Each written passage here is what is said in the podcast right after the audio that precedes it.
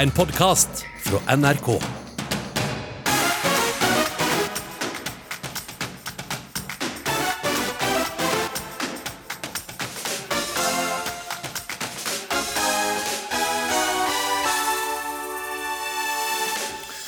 Da Spania åpnet grensene denne uken, var Carl I og Eli Hagen reiseklare på et blunk. Og blåser i at norske myndigheter fortsatt fraråder utenlandsturer. Jeg er jo blitt overkikadorer og sitter og bestemmer at nå har du lov til det, nå har du ikke lov til det. Jeg syns det er blitt veldig diktatorisk. Mens Charter-Hilde holder seg hjemme. Hvorfor skal vi gjøre allting med en gang? Eh, Jeg tror vi må ta det litt med ro. Jordmormangel i sommer bekymrer mange fødende. Vi møter en av dem her i ukeslutt. Og i dag er det nordisk kamp i fotball-EM, og vi får en finne og en danske med som skal overbevise oss nordmenn om det er Finland eller Danmark vi bør heie på. Velkommen til ukeslutt denne lørdagen i juni. Jeg heter Vidar Sem. I går ble det norske koronapasset tatt i bruk. Det er et bevis som gir fullvaksinerte og nylig koronasyke fritt leide inn i Norge etter en utenlandstur. Samtidig fraråder regjeringen folk å reise til utlandet. Men Eli Hagen er lei av å vente på reisetillatelse fra norske myndigheter. Da Spania åpnet grensene for turister denne uken, pakket hun sporenstreks kofferten. Reporter Kari Li fikk nå nordmennene før hun dro. Nå står jeg ute i haven og vanner eh, plen siste innspurt før vi drar til Spania i morgen. Eli Hagen er stressa, men tar seg tid til litt plantestell og en prat med ukeslutt.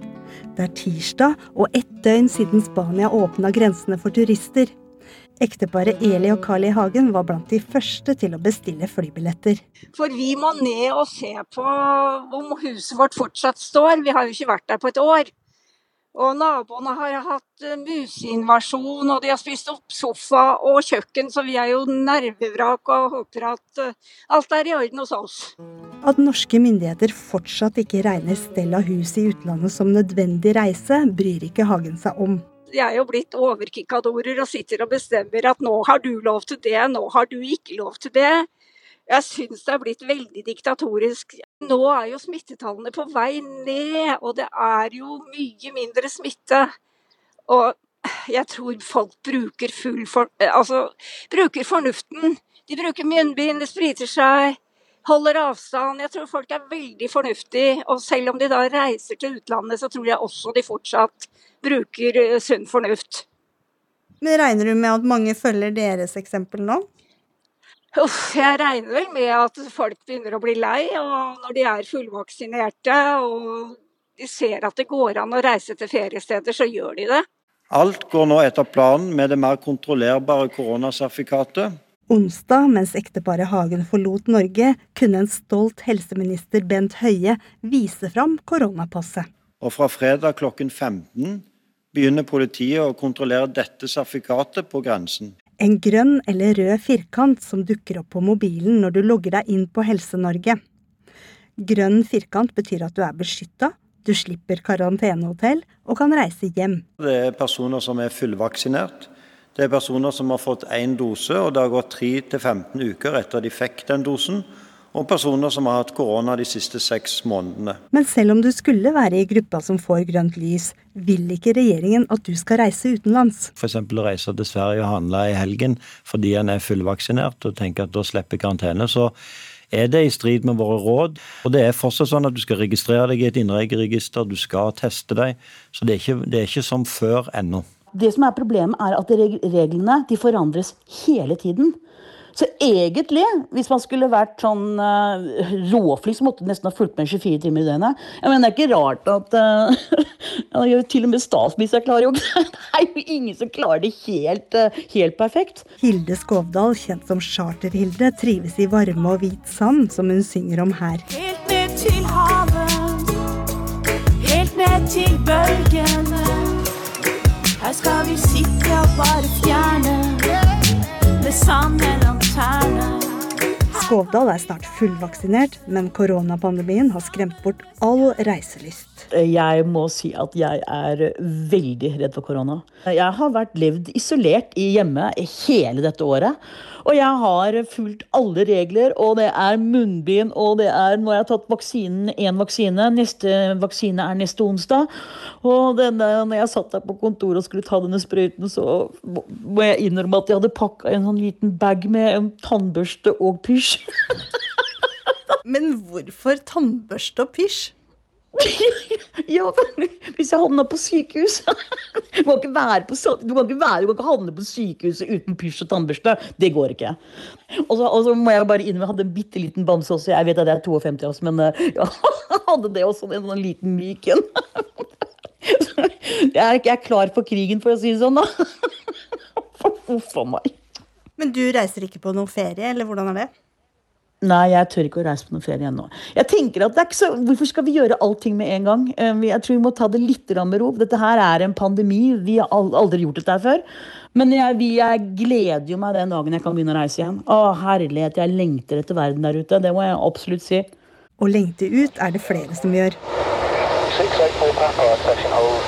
Ifølge Norwegian er det et økende salg av billetter til stabilt varmere strøk, og da særlig Spania. Det samme merker SAS. Eh, Men samtidig så opprettholdes det globale reiserådet fram til 1.7. Vi vet fortsatt ikke hva som skjer etter det, og jeg tror både flyselskapene og de reisende trenger nå eh, tydelige signaler på når kan vi begynne å reise igjen. Pressesjef i SAS, Jon Eckhoff, venter utålmodig på nye reiseråd. Han mener at de fleste kundene bestiller i henhold til reglene. Det er mest populært nå på innenriks eh, i sommerferien, og så øker det på fra august og utover på utenrikstrafikken. Mens andre venter til norske myndigheter sier vær så god, er Eli og Carl I. Hagen allerede på plass i Spania. Må de redde huset fra en museinvasjon? Jeg ringer for å høre. Her er det helt fantastisk. 30 grader og helt nydelig, litt vind og Det er som å komme til en annen verden. Vi hadde ingen museinvasjon, og huset var i orden. og Også i Spania trenger Hagen stell. Altså, vi har en, eh, en blomst som heter bougainvillea, som de fleste som eh, holder til i Spania vet hva er. Den er viltvoksende, blomstrer veldig rødt og er kjempefin, men den må jo beskjæres og holdes nede. Ellers så ble den kjempestor, og det var den nå da vi kom ned. Hva skulle dere nå, da? Når vi er ferdig med praten, da, vi, da skal jeg spyle litt på terrassen og vanne litt blomstene, og så skal vi rusle på strandbaren og, og spise. Vi menger oss ikke med folk. For å si det sånn, Vi går én og én i butikken og bruker munnbind. Og... Men i dag skal vi gå på strandbaren, og der er det også avstand mellom bordene. Og... Så det blir spennende å se. Det skal bli spennende å se litt folk igjen. Sa Eli Hagen på plass i Syden. Og selv om vi fikk svar på noen spørsmål her, så er det sikkert mange som fortsatt lurer på hva som gjelder og ikke gjelder for en utenlandstur i sommer, både med innreisemuligheter og forsikring. Og hva man kan gjøre når UD fortsatt fraråder reiser som ikke er nødvendige til stort sett eh, hele verden.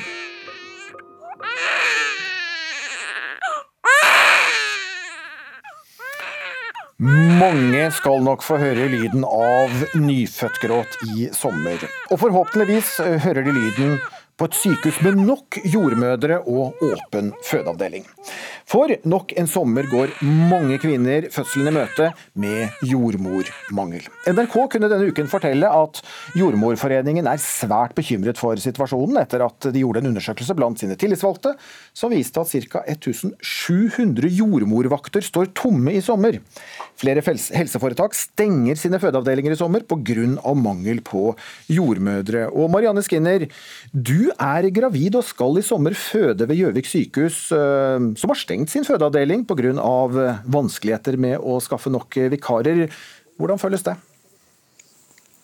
Nei, det føles egentlig helt meningsløst. Eh, Vi har bosatt oss i en by der vi egentlig skulle hatt fem minutters reisevei til fødeavdelingen. Og I stedet så må vi planlegge for bortimot en time i bil for å komme til fødeavdelingen på Lillehammer, fordi føden på Gjøvik har stengt døra nå for tredje år på rad.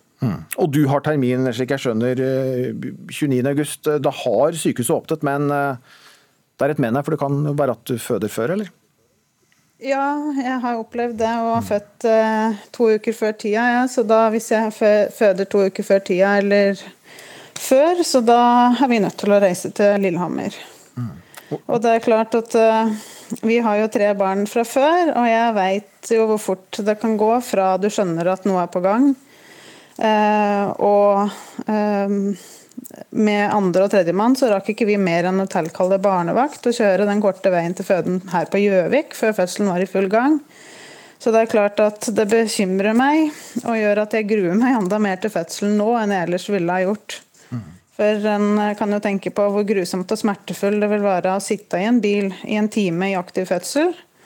Og jeg tør nesten ikke tenke på hva om vi ikke når fram i tide. Så nei, det føles helt meningsløst at de stenger og gjør det å føde et barn til en enda mer smertefull og traumatisk opplevelse for både meg og de, de hundrevis av andre kvinner i Innlandet som har termin i sommermåneden. Det eh, det er allerede stress, stressende og, og mye bekymringer knytta til en fødsel sånn i opptakten. Veldig, det føles veldig eh, unødvendig å gjøre den belastningen enda større. Bli med oss videre, Marianne Skinner, for eh, nå har vi fått en bunadskledd inn her i eh, studio. Anja Solvik, eh, du er daglig leder i Bunadsgeriljaen, en folkebevegelse som kjemper, altså alltid kledd i bunad, selv på en sommerdag, og det for et trygt og godt fødetilbud for kvinner over hele Norge. Og dere oppsto i Kristiansund da fødeavdelingen der ble vedtatt nedlagt. Hvor bekymret er du eh, for situasjonen i sommer? Jo, jeg er veldig bekymra. På et tidspunkt hvor eh, flest kvinner føder sine barn i vårt land, så er altså x antall fødeavdelinger stengt. og Det fører jo til at kvinner må reise enda lenger for å føde ungene sine. Og i år har vi en helt spesiell situasjon ved at man også kanskje risikerer å komme til et fødetilbud som ikke har kapasitet til å ta deg imot.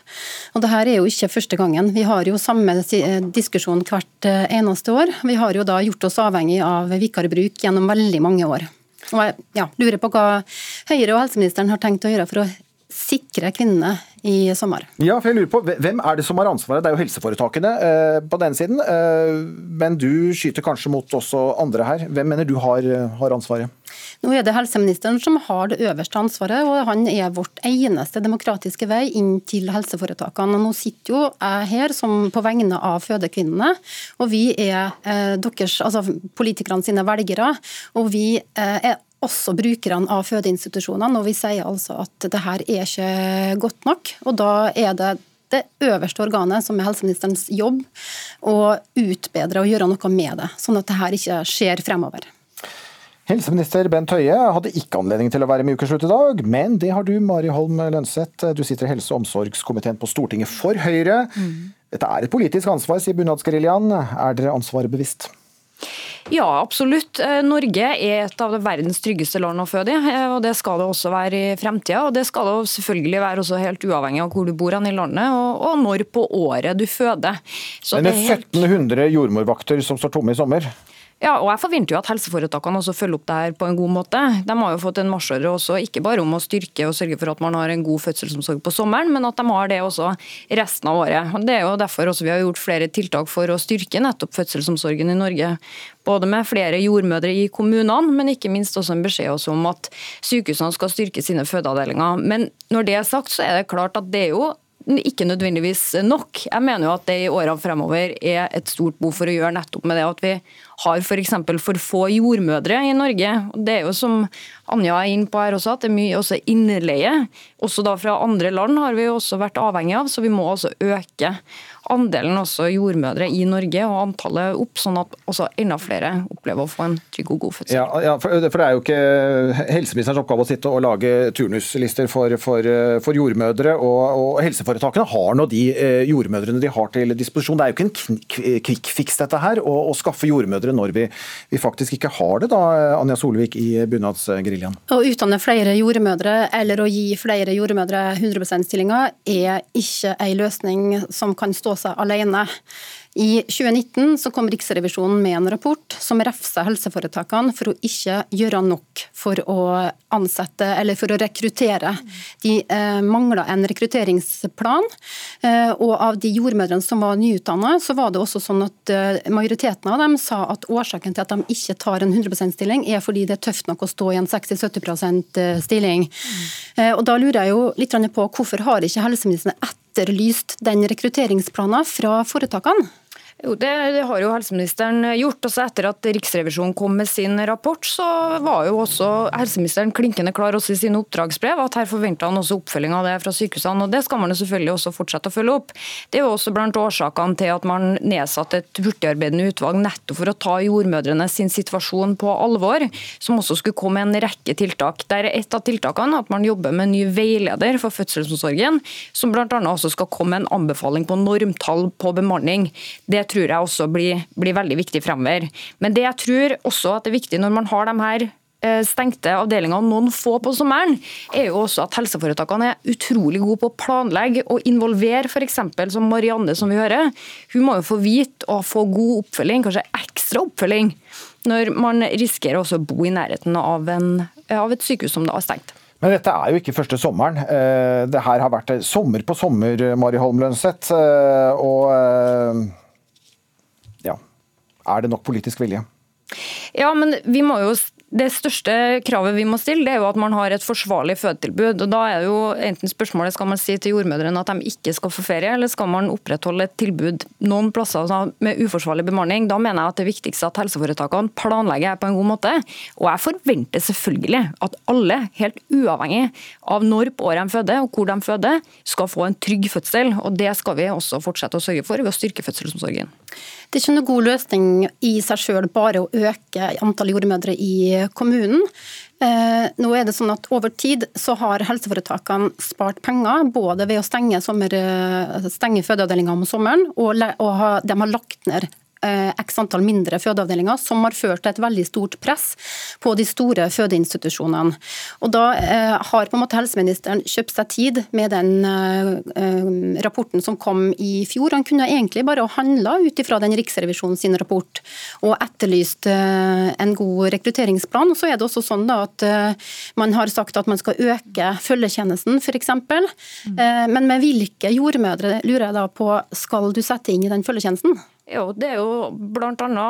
at vi tar vare på dem som jobber i tjenesten. At vi sørger for at det er flere som får jobbe heltid. Og så at vi sørger for å utdanne flere. Fordi Det å styrke følgetjenesten, det er vi også veldig opptatt av. Marianne Skinner, som altså er gravid. Nå har du hørt debatten her mellom Høyre og bunadsgeriljaen. Har du blitt tryggere på vegne av de gravide? Nei, egentlig ikke. altså Med dagens utvikling så er jeg redd vi kommer til å få en ensretting av tilbudet for fødende i Norge. Med store, travle fødeavdelinger med lite fokus på tid til øh, Med lite fokus på og tid til oppfølging av de fødende og familien deres. Det er jo fedre med i bildet òg. Og, og, da, og kanskje spesielt i den sårbare tida etter fødselen. For trygg fødsel, ja, men uh, det her handler òg om å gi fødende en god start på barseltida etterpå. Så jeg håper virkelig at Høyre og alle norske partier tar grep og vil jobbe for å sikre bedre vilkår for uh, både føde- og barselsomsorgen i framtida. Og òg ta vare på de kvalitetene fra de mellomstore fødeavdelingene, sånn som vi har her på Gjøvik. Og så får jeg håpe at du blir godt uh, ivaretatt, uh, som jo skal uh, føde i sommer. takk for at du ble med, Marianne Skinner, som også venter barn i august. Og takk også til Mari Holm Lønseth fra Høyre, og Anja Solvik, daglig leder i Bunadsgeriljaen. Jeg kommer til å gråte meg til vaksine, sier læreren som fortsatt drømmer om utenlandsferie med Janssen-vaksinen. Og han møter legen her i ukeslutt. Og så Skal jeg prøve å fange noen, eller? Ja. Jeg syns jeg ser noe liv nedi der. Jeg tror det. Nå må du ha tillatelse for å fange rumpetroll. Hør hvordan det gikk da vi dro på rumpetrolljakt litt senere her i Ukeslutt. Denne uken åpnet helsemyndighetene for at Janssen-vaksinen eh, kan tas i bruk. Fra tirsdag neste uke så kan du bestille en vurdering hos legen, men for å få denne vaksinen som går utenom vaksinasjonsprogrammet, så må du oppfylle strenge kriterier. Janssen-vaksinen er av samme type som AstraZeneca-vaksinen, som førte til flere svært alvorlige bivirkninger og dødsfall knyttet til den vaksinen tidligere i år. Kristoffer Stenberg, du er lærer på Østre Toten i Innlandet. Velkommen. Ja, takk for det. Du er i slutten av 30-årene eh, og er blant dem som stiller bakerst i den ordinære vaksinekøen. Og du er skuffet over de strenge kriteriene for å få Janssen-vaksinen, kan vi lese i VG. For du vil ut av Norge, du, på ferie med motorsykkelen din, de sjukene du har til rådighet. Eh, hvorfor mener du at du skal få Janssen-vaksinen? Jo, jeg, mener at eh, jeg kunne fått den vaksina, for det Eh, jeg anser, eh, anser, den faren som verdt å ta da, for å få bruke, for å få bruke sommerferien, eh, sommerferien min rundt om i verden. Og den utenlandsturen den, den, oppfyller ikke kriteriene for å få vaksinen. Hva gjør du med det? Nei, det er jeg helt klar over. og Nå har det jo skjedd en del siden Det har skjedd litt med, med, med regler siden jeg var i VG her om dagen. Eh, sånn at, eh, og Jeg har for så vidt òg mitt, eh, min fastlege, og han, han, han, vil, han, frasier seg ansvaret. Han vil ikke skrive ut noe Janssen-vaksiner, så, så, jeg ser vel at jeg skal ha norgesferie i sommer. Ok, Så det blir ikke noe vaksineshopping på deg?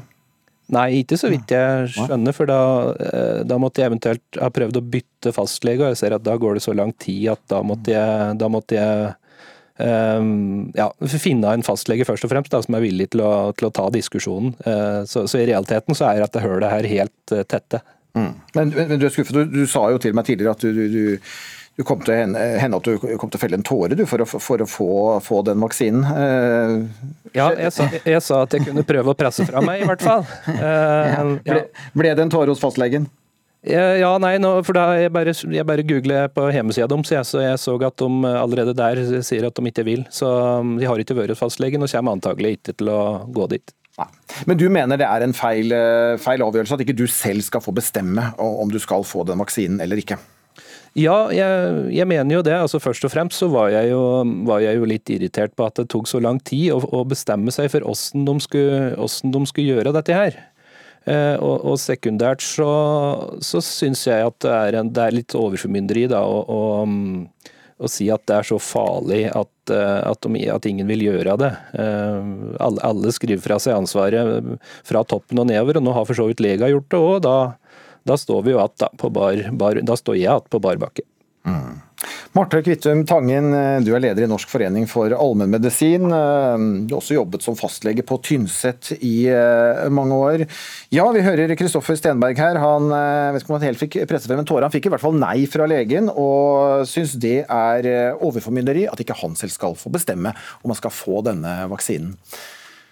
Hvorfor kan han ikke selv bestemme? Nei, det er jo ikke sånn det er.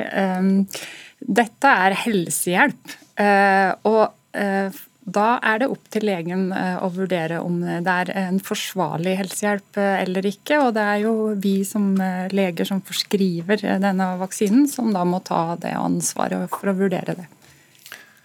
Og det er et ansvar skal vi se, Nå hører ikke du. Hvis du skrur under bordet, så er det under bordet. Fikk ikke du hørt helt her, Marte. Men vet du hva, jeg kan gå til, kan gå til deg, Kristoffer. For du hører eh, Marte Kvittum Tangen her.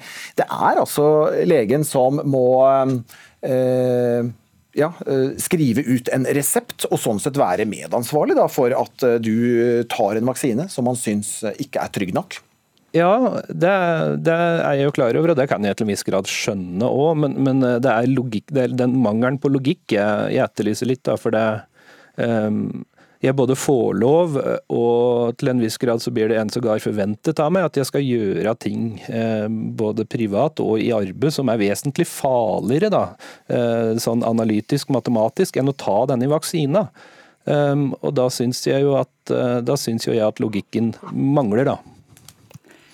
Ja, eh, det kan du si. Eh, det forstår jeg. Men eh, det er sånn at når vi gir helsehjelp, så må vi vite at nytten er større enn risikoen. Og da er det vårt ansvar. Og det er noe annet enn å ta andre risikoer, som f.eks. i trafikken eller velge å utsette seg for noe med, med fare.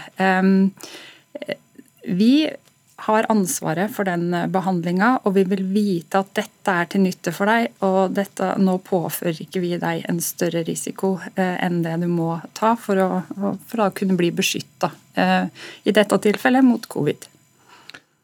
Stenberg? Ja, eh, jo, jeg hører det. Og, og jeg, jeg, altså for så vidt så har vi ikke så mye å krangle om, fordi jeg syns at jeg syns jo at feilen er at, uh, at mynd, norske myndigheter har skrevet ansvaret ned til legen. Det er jo det som er problemet i utgangspunktet. Det er jo ikke at uh, det er kanskje ikke at legen sier nei, det er, det er mer det at de har delegert uh, ansvaret ned dit, fordi de kunne tid der sjøl. Og sagt at som det ble forespeilet i utgangspunktet, at dette her skulle være frivillig.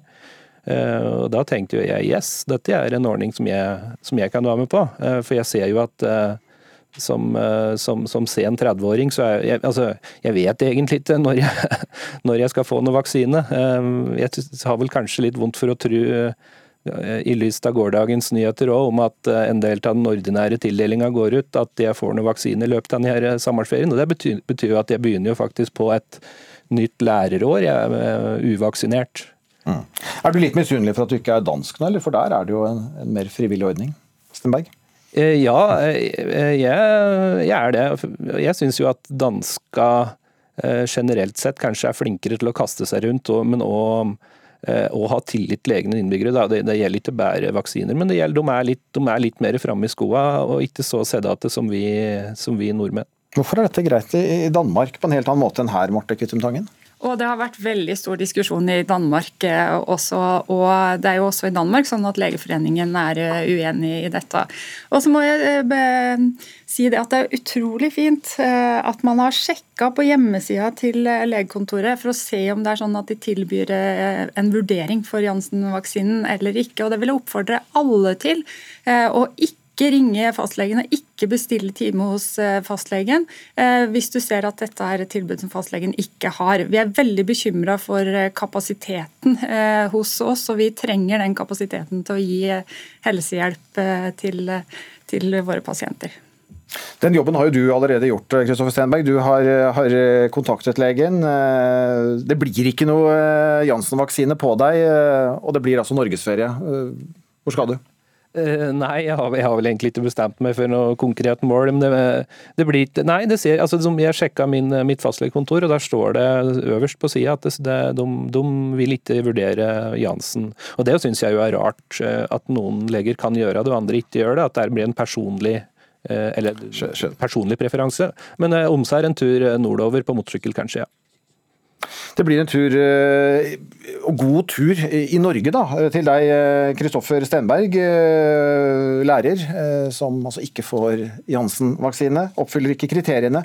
Og Marte Kvittum Tangen, leder i Norsk forening for allmennmedisin. Takk for at du også ble med her i Ukeslutt. Vi får i hvert fall si god sommer til dere begge to.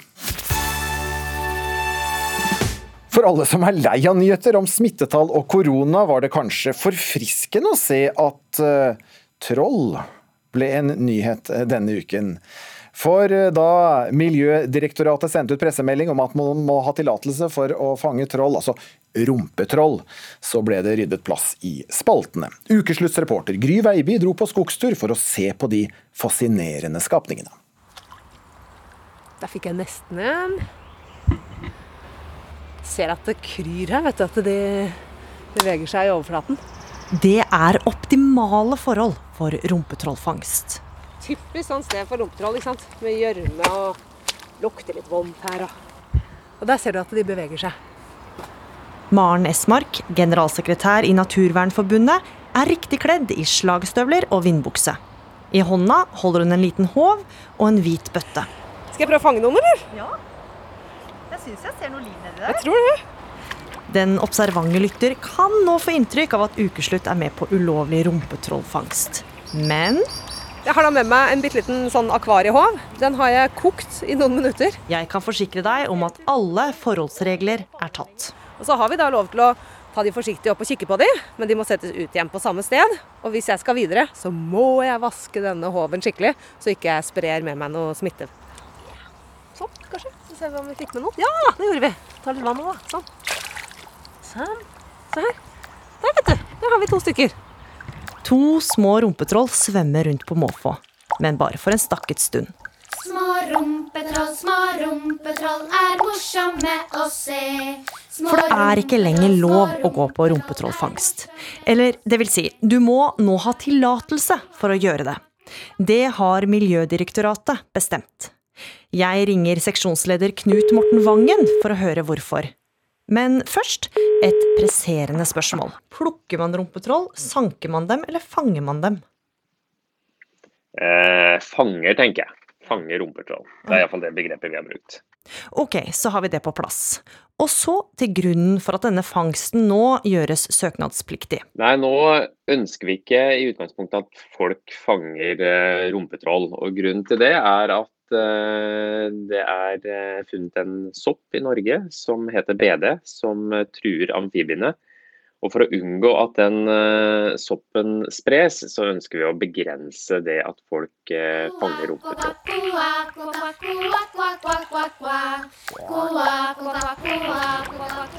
Masse liv her, da.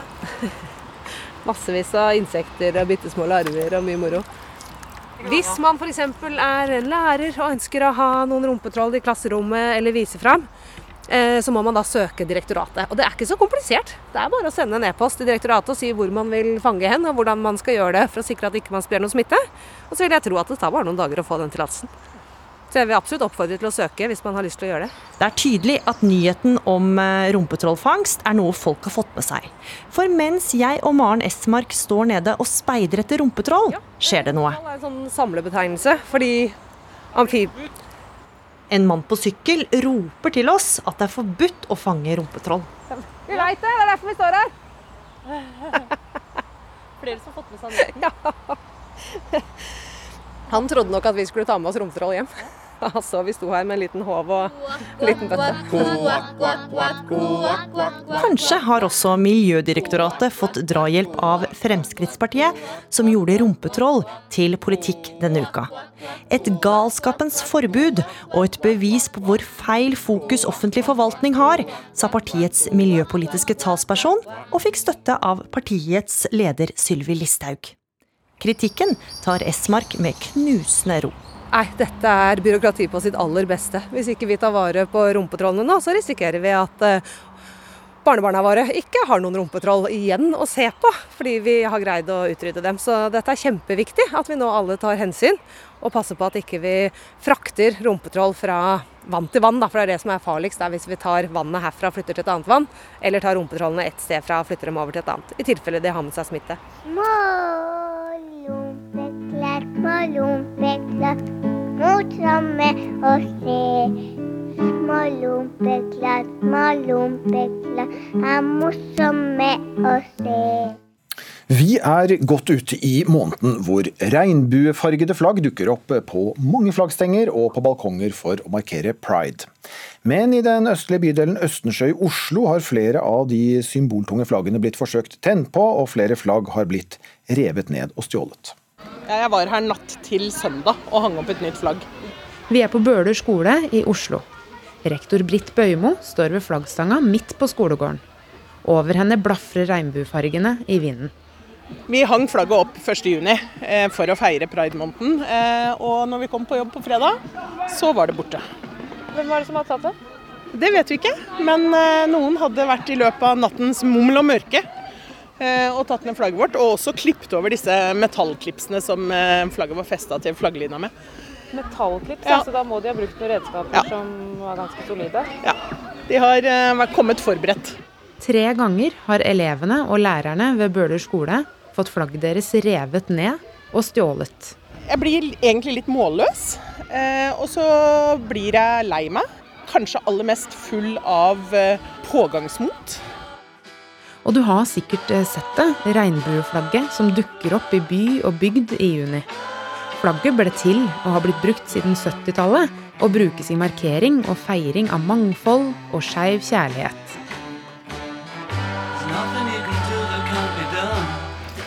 Og disse flaggene de er ikke så lette å tenne på, faktisk, men eh, man har i hvert fall prøvd. På vaktmesterens kontor på Bølers naboskole Ulsrud viser rektor David Dunlop rester av et regnbueflagg med brennmerker. Flagget som var der, ble tatt ned og forsøkt tent på, og så ødela de opplegget for flagget. Så vi måtte kjøpe en ny snor i tillegg til nytt flagg. Tre flagg har enten blitt revet ned eller tent på. Skulle det skje igjen, har de et reservelager. Så de er klare til å ta i bruk hvis det skulle være behov for det. Nå er det skikkelig vind i flagget. Flagg nummer fire hos rektor Britt Bøymo har enn så lenge fått henge uberørt. Det er 16 år gamle Iselin Norum fornøyd med. Hun går i 10. klasse på Bøler skole. Jeg er veldig glad for at det henger oppe, og det viser at eh, vi er en skole som aksepterer alle. og Det syns jeg er viktig å huske på. Eh, spesielt siden at vi er en såpass stor skole med mange ulike folk. Ja, det er litt råtete, da, men du, stikk på, stikk på. Tyveriene har blitt en snakkis. En liten gåtur unna Bøler skole har Gudveig Storhaug hengt opp sitt prideflagg på balkongen i andre etasje. Jeg syns det er trist, men samtidig så syns jeg det er fint at folk reagerer som de gjør. Derfra kan man se at det ikke er langt mellom hagene som markerer pride med regnbuefargene. Dette tolererer vi ikke. Da flagger vi bare dobbelt så mye. Så viser litt nese til de som driver med disse rampestrekene. Jeg tror 2021 blir et godt flaggår for Oslo Pride. Det sier Fredrik Dreyer, styreleder i Oslo Pride, som opplever et kjempesalg av flagg i årets pridemåned. Og så langt i juni så har vi solgt for like mye som vi gjorde på nettet i hele fjor. Så det lover veldig godt. Og nå har vi jo ikke engang åpnet de fysiske butikkene våre. Dreyer håper folk ikke nøler med å vise fargene i juni. Det handler om mangfold og inkludering. Og det å kunne elske den man vil, og det å rett og slett vise at her finnes det rom for alle. Så for oss er regnbueflagget et utrolig viktig symbol. So.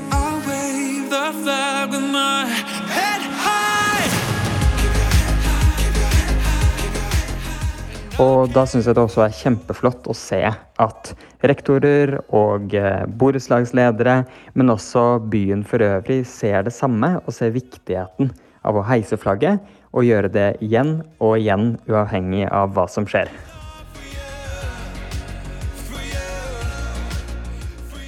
For rektorene på Ulsrud og Bøler skole forblir hærverket et mysterium. Om det er folk som eh, gjør det fordi de syns det er litt gøy, eller om det er folk som har et politisk budskap, eller hva det måtte være, det veit jeg ikke.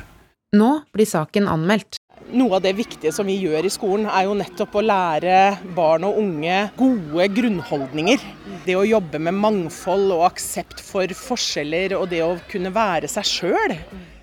Det er veldig enighet i hvert fall her, at eh, det budskapet eh, som, som hører til feiring av kjærlighet, det eh, skal stå sterkest.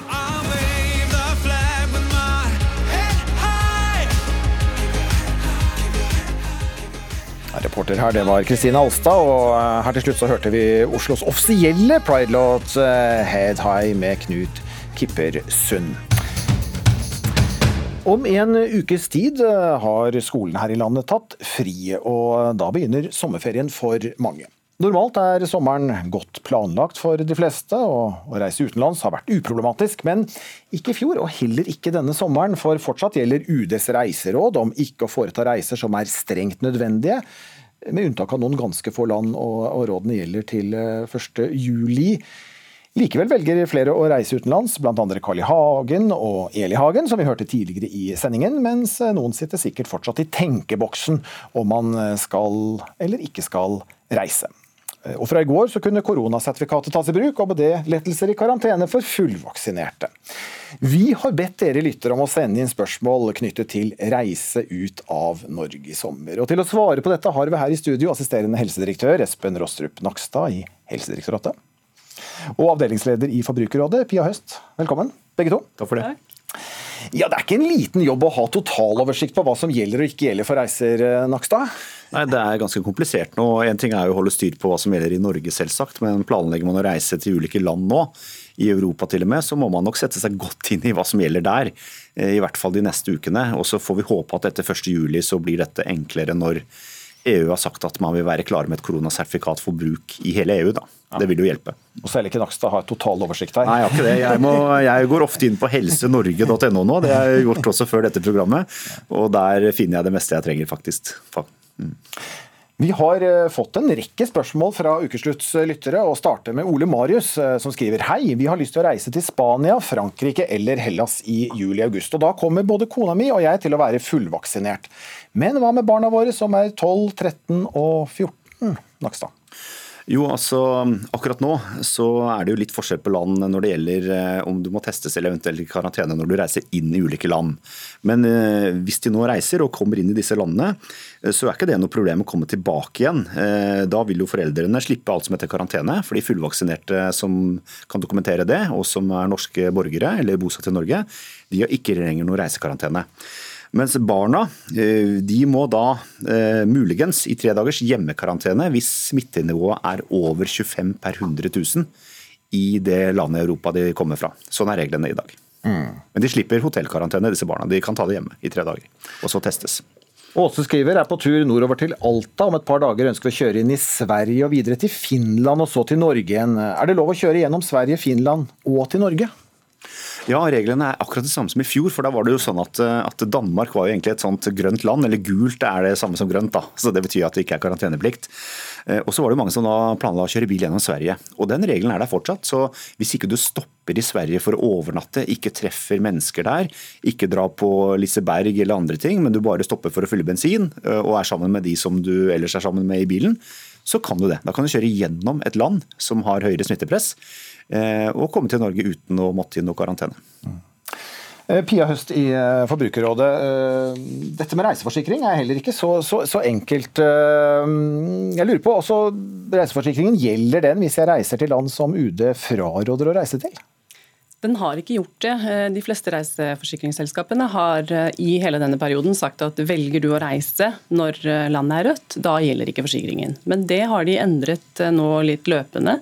Mange av de store har nå valgt å si at nå er situasjonen på en måte har vært så langvarig og, og vil kanskje være det fremover, og at det er rimelig at reiseforsikringen faktisk gjelder, selv om du reiser til et rødt land. Men det er veldig viktig å sjekke din forsikring. For her er, ja, her er litt forskjell fra Litt forsikringsselskap til forsikringsselskap. Ja. Ja. Men gjelder det samme vilkårene om jeg er fullvaksinert eller uvaksinert? Ja, Det har ingen betydning for, eh, det, for forsikringen din, det. Nei. Så blir man, blir man skadet i et land uh, som er rødt og, og, og har forsikring, så skal den dekkes Uh, hvis ikke det forsikringsselskapet har en annen uh, avtale. Riktig. Ja. Eh, og det har vært eh, forskjell fra tidligere, ikke sant? Hvor man følger UDs reiseråd. Ja. Eh, Men hva med avbestilling, da? Hvis det blir høy smitte i det landet man booker reise til? Mm.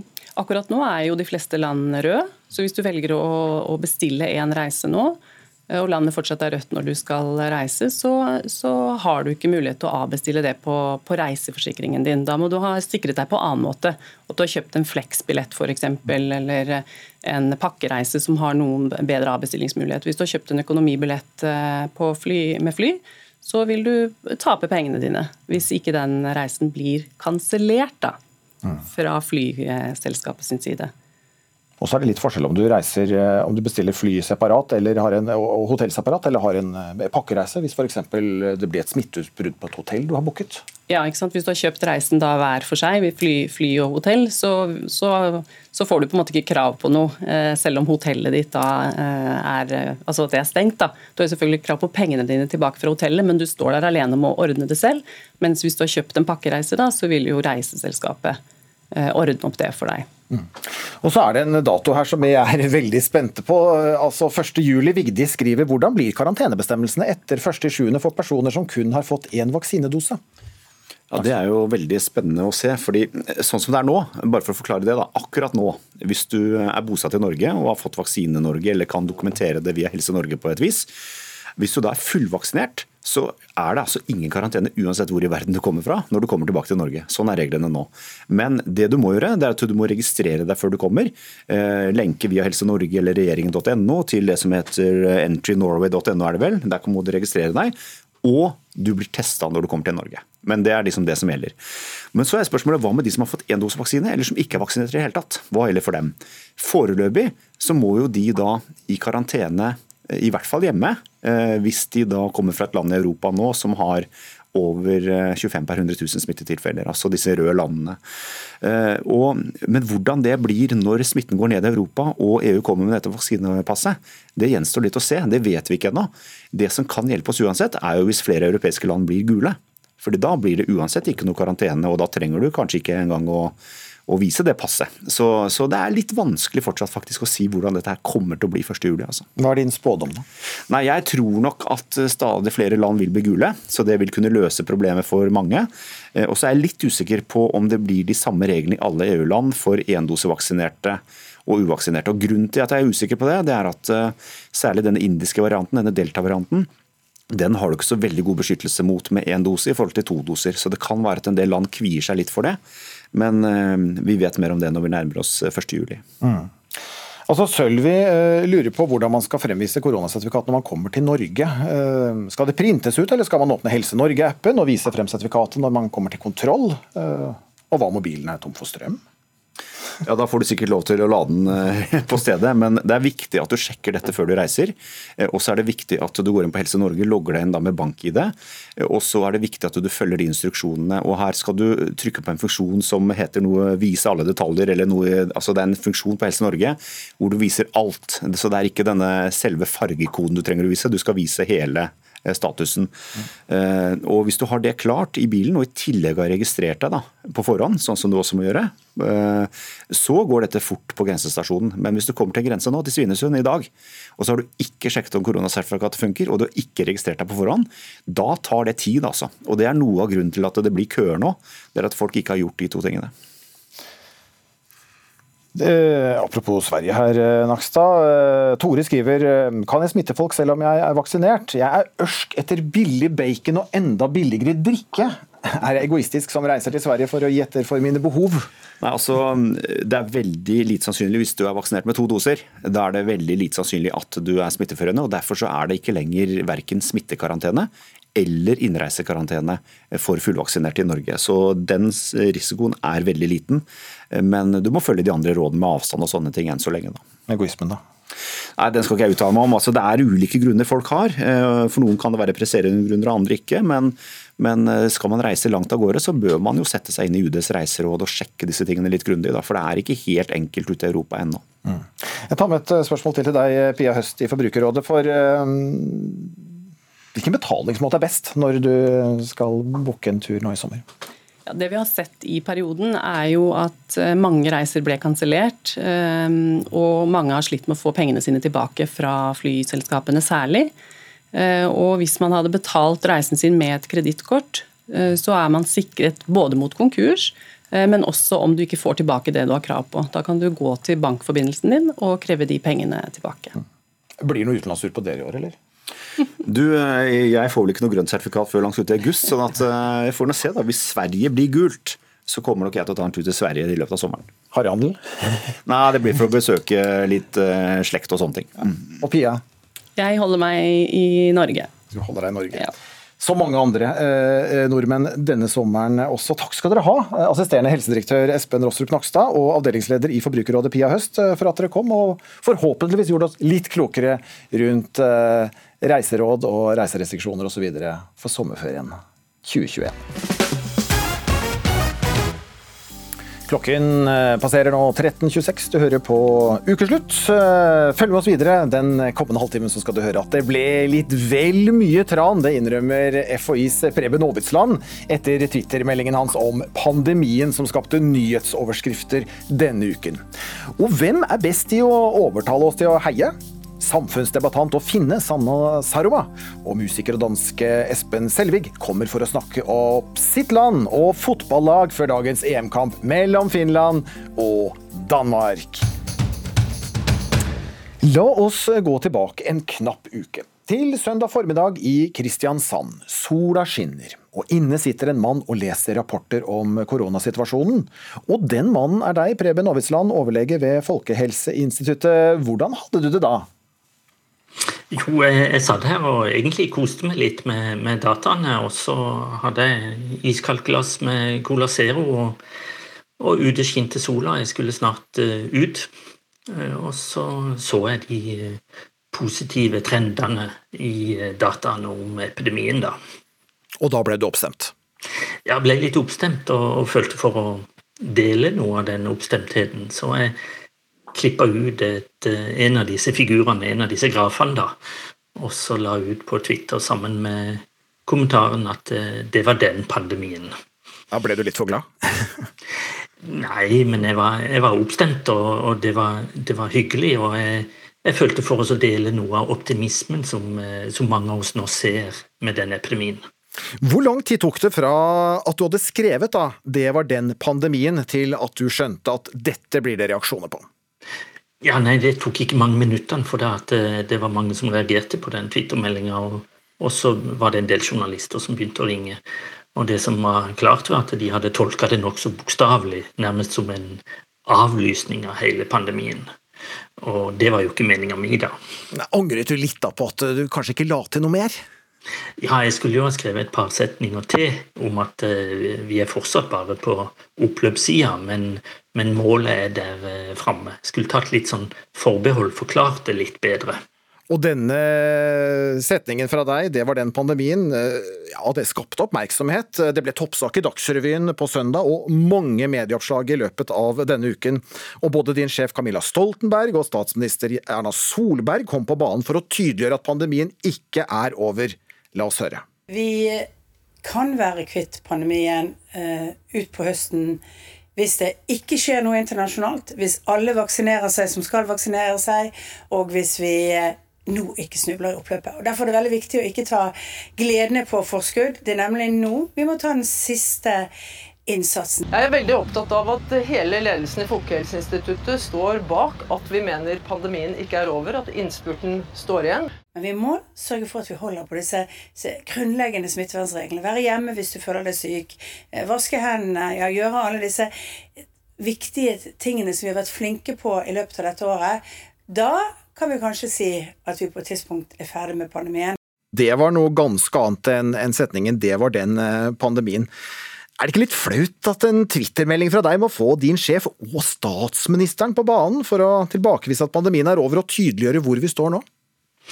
Ikke flaut, men, men, litt uheldig da, at eh, jeg måtte ødelegge eh, søndagen for, for mange gode kolleger og, og statsministeren. Men det er en irettesettelse?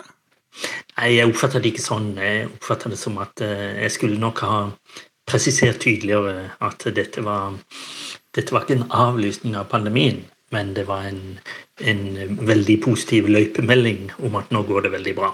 Dette var jo en Twitter-melding. Er det lov å være litt frekk og tabloid på Twitter også som overlege ved Folkehelseinstituttet? Ja, det er lov å være litt spissformulert, litt mer slentrende, men men det vil alltid være noen som, som leser sånne meldinger veldig bokstavelig, og det, det, skal jeg huske på. Ja, og Du sa også til meg da vi snakket sammen litt tidligere at noen av tolkningene er urimelige og humørløse. Hva legger du i det? Nei, altså Twitter er jo et, et, litt mer uformelt medium. Det kan være litt humor, det kan være litt slentrende. Og, og det å tolke det som en fullstendig avlysning av hele den norske epidemien, syns jeg ja, det var iallfall ikke det som var meninga, og jeg syns det er en litt urimelig tolkning. da. Men kommer du til å tenke deg om neste gang før du tvitrer? Ja, jeg gjør jo det som regel alltid, men, men det var en veldig fin søndagsmorgen da. Og så hadde jeg glass med, med iskald Cola Zero og, og, så på disse hyggelige grafene. Så, så hadde jeg følt jeg for å dele litt av optimismen, da. Men så ble det kanskje litt mye tran istedenfor Cola Zero, da. Er det det du har lært av denne uken? Ja, jeg lærer stadig. Både om epidemien og om kommunikasjon og om tvitring. Så, så, det var en liten lærepenge, ja. Og kanskje har du skapt en ny trend? Jeg ser at ordene dine 'det var den pandemien' blir omformulert i en nettavis til at 'det var den uken'. Så får vi avslutte her med å si at det var den praten, og takk for den, Preben Aavitsland i Folkehelseinstituttet.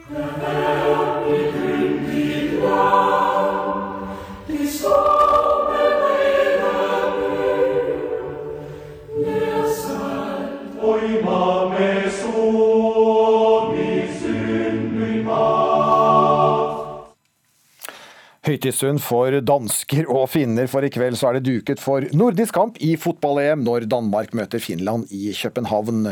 For første gang er Finland med i et slikt mesterskap, og i mangel av å være med selv, eh, hvem av våre to naboer skal vi heie på? Vi tok en tur ut i Oslo for å spørre folk. Jeg må bli Danmark.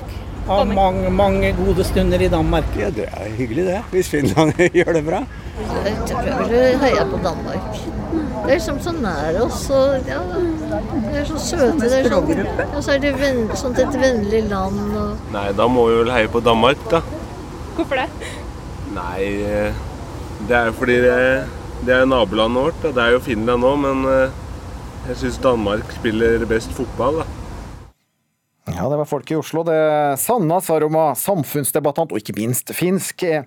Ja, ut ifra det vi hører fra folk her, så får du en jobb med å overbevise oss nordmenn eh, til å heie på Finland. Hva er dine gode argumenter for å få oss omvendt? Ja, nei, altså Nå ble jeg veldig overrasket. Nå er jo ikke kanskje denne undersøkelsen deres representativ, men sånn som jeg kjenner nordmenn, så er nordmenn veldig opptatt av å være snille og gode. Og, altså, nordmennes selvbilde er at, at, vi er snille og gode og rause og joviale og alltid på, det, på, den svakeste side. Og jeg tenker at Det hadde hørt til nordmennens selvbilde å da heie på Finland. Altså Finland, Finnene er jo underdogs i fotball-EM. Uh, og vi elsker jo, eller Nordmenn elsker å heie på antihelter, underdogs, altså sånn som Island for noen år siden. Og jeg, jeg, kjenner meg litt selv i det trekket også, altså selv om jeg er finsk og ikke norsk. Fordi jeg husker jeg er født og oppvokst i Lahti, og det var veldig stort da den britiske skihopperen Eddie Edwards hoppet. Og det, det var jo liksom selvklart at vi skulle heie på den britiske skihopperen. Mm. Så jeg tenker at man rett og slett må heie på de som er små i den idretten. Altså det blir litt sånn Hvis du heier på Danmark, så er du liksom på vinnerlaget. Og Noen liker jo å være på vinnerlaget, men jeg syns ikke nordmenn er slike. Du spiller på vår eh, sympati med underdogs. Espen Selvig, også kalt Dansken, kjent fra musikkgruppen Klovner i kamp, og som Idol-dommer på TV 2, bare for å nevne noe. Ja, du har en fordel her, Espen. Eh, hvorfor bør vi nordmenn heie på Danmark? Altså, først vil jeg si gratulerer til Finland uh, for at de har kvalifisert seg. Det er flott. og Refleksen er selvfølgelig alltid å heie på underdogen. Men det er klart at vi må jo også tenke på hva er best for Norge. Ikke sant? Altså, det er mange åpenbare argumenter for å velge å heie på Danmark. ikke sant? Så det er ikke noe grunn til å spille på sympatien her? Nei, det syns jeg ikke. Altså, vi må se på hva er end result. Ikke sant? Hvis Danmark vinner kontra hvis Finland vinner. Ikke sant? Hvis Danmark vinner, så vet vi at det vi får se, det er rausheten. Gjestfriheten. Ikke sant? Det jeg vil trekke fram, altså Danmark omtales jo som Nordens Brasil. Det kommer til å flyte av pilsner og snaps i gatene. Og det kanskje viktigste, Dansker elsker nordmenn. Så er det ett år du skal dra på sommerferie til Danmark, så er det jo i år å få liksom den ekstremt store folkelige klemmen av hele Danmark som er drapert i drannebog, vimpler og klapphatter. Ikke sant? Så, men sånn instinktivt så ville jeg tenkt ja, vi på, vi heier på underdogen. Du, Hanne Sanna Sarama. Eh, ja, eh, Nordens Brasil. Er du sikker på at det er sympatien til underdog som kommer til å prege nordmenns heiing i kveld?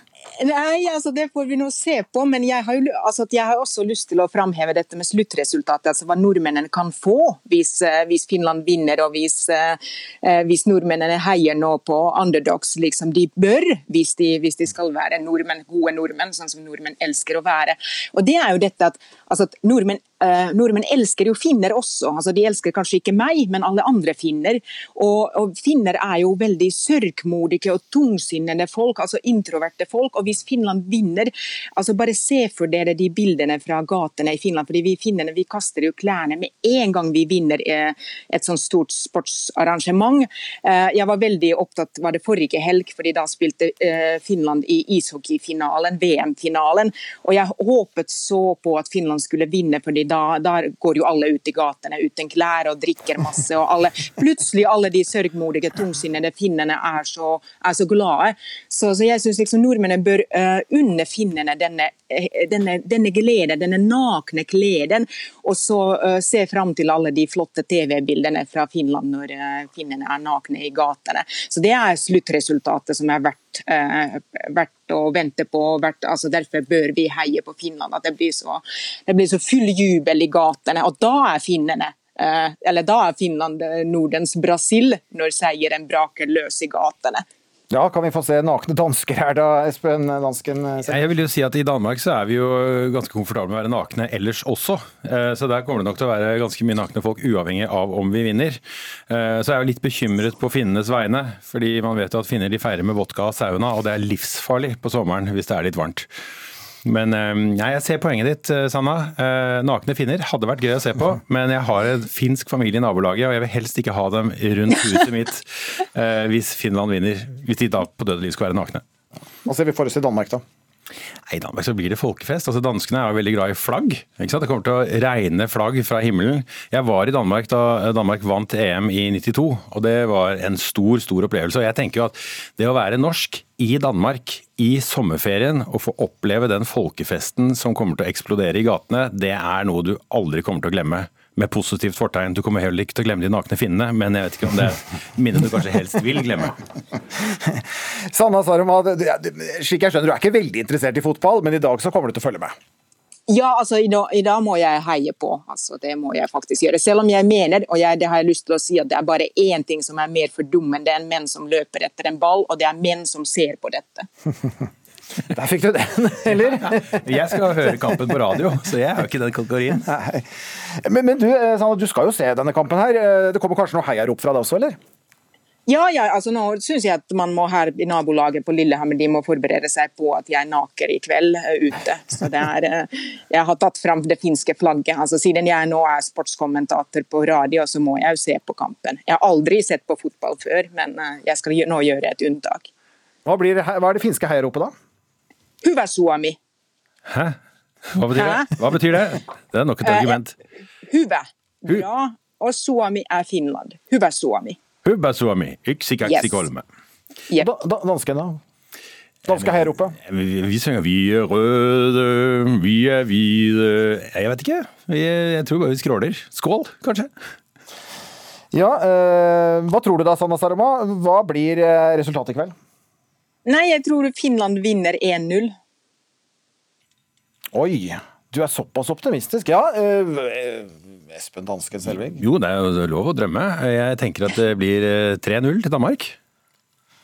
Hva sier du, Sanna? Nei, jeg sier at jeg, jeg håper på 1-0, men jeg hadde ikke satt penger på det. For eh, dere, altså, dere, dere har jo vunnet før, dere Espen, eh, i 92. Eh, Vant jo Danmark EM. Hvor langt tror du Danmark kan komme? Ja, nei, Ikke for å skryte, men Danmark har jo vunnet EM før, som du er inne på her. Jeg vil se det som svært sannsynlig at Danmark kan gå helt til topps. Det er et veldig godt lag i år. Alle er veldig tente og har hele folket i ryggen.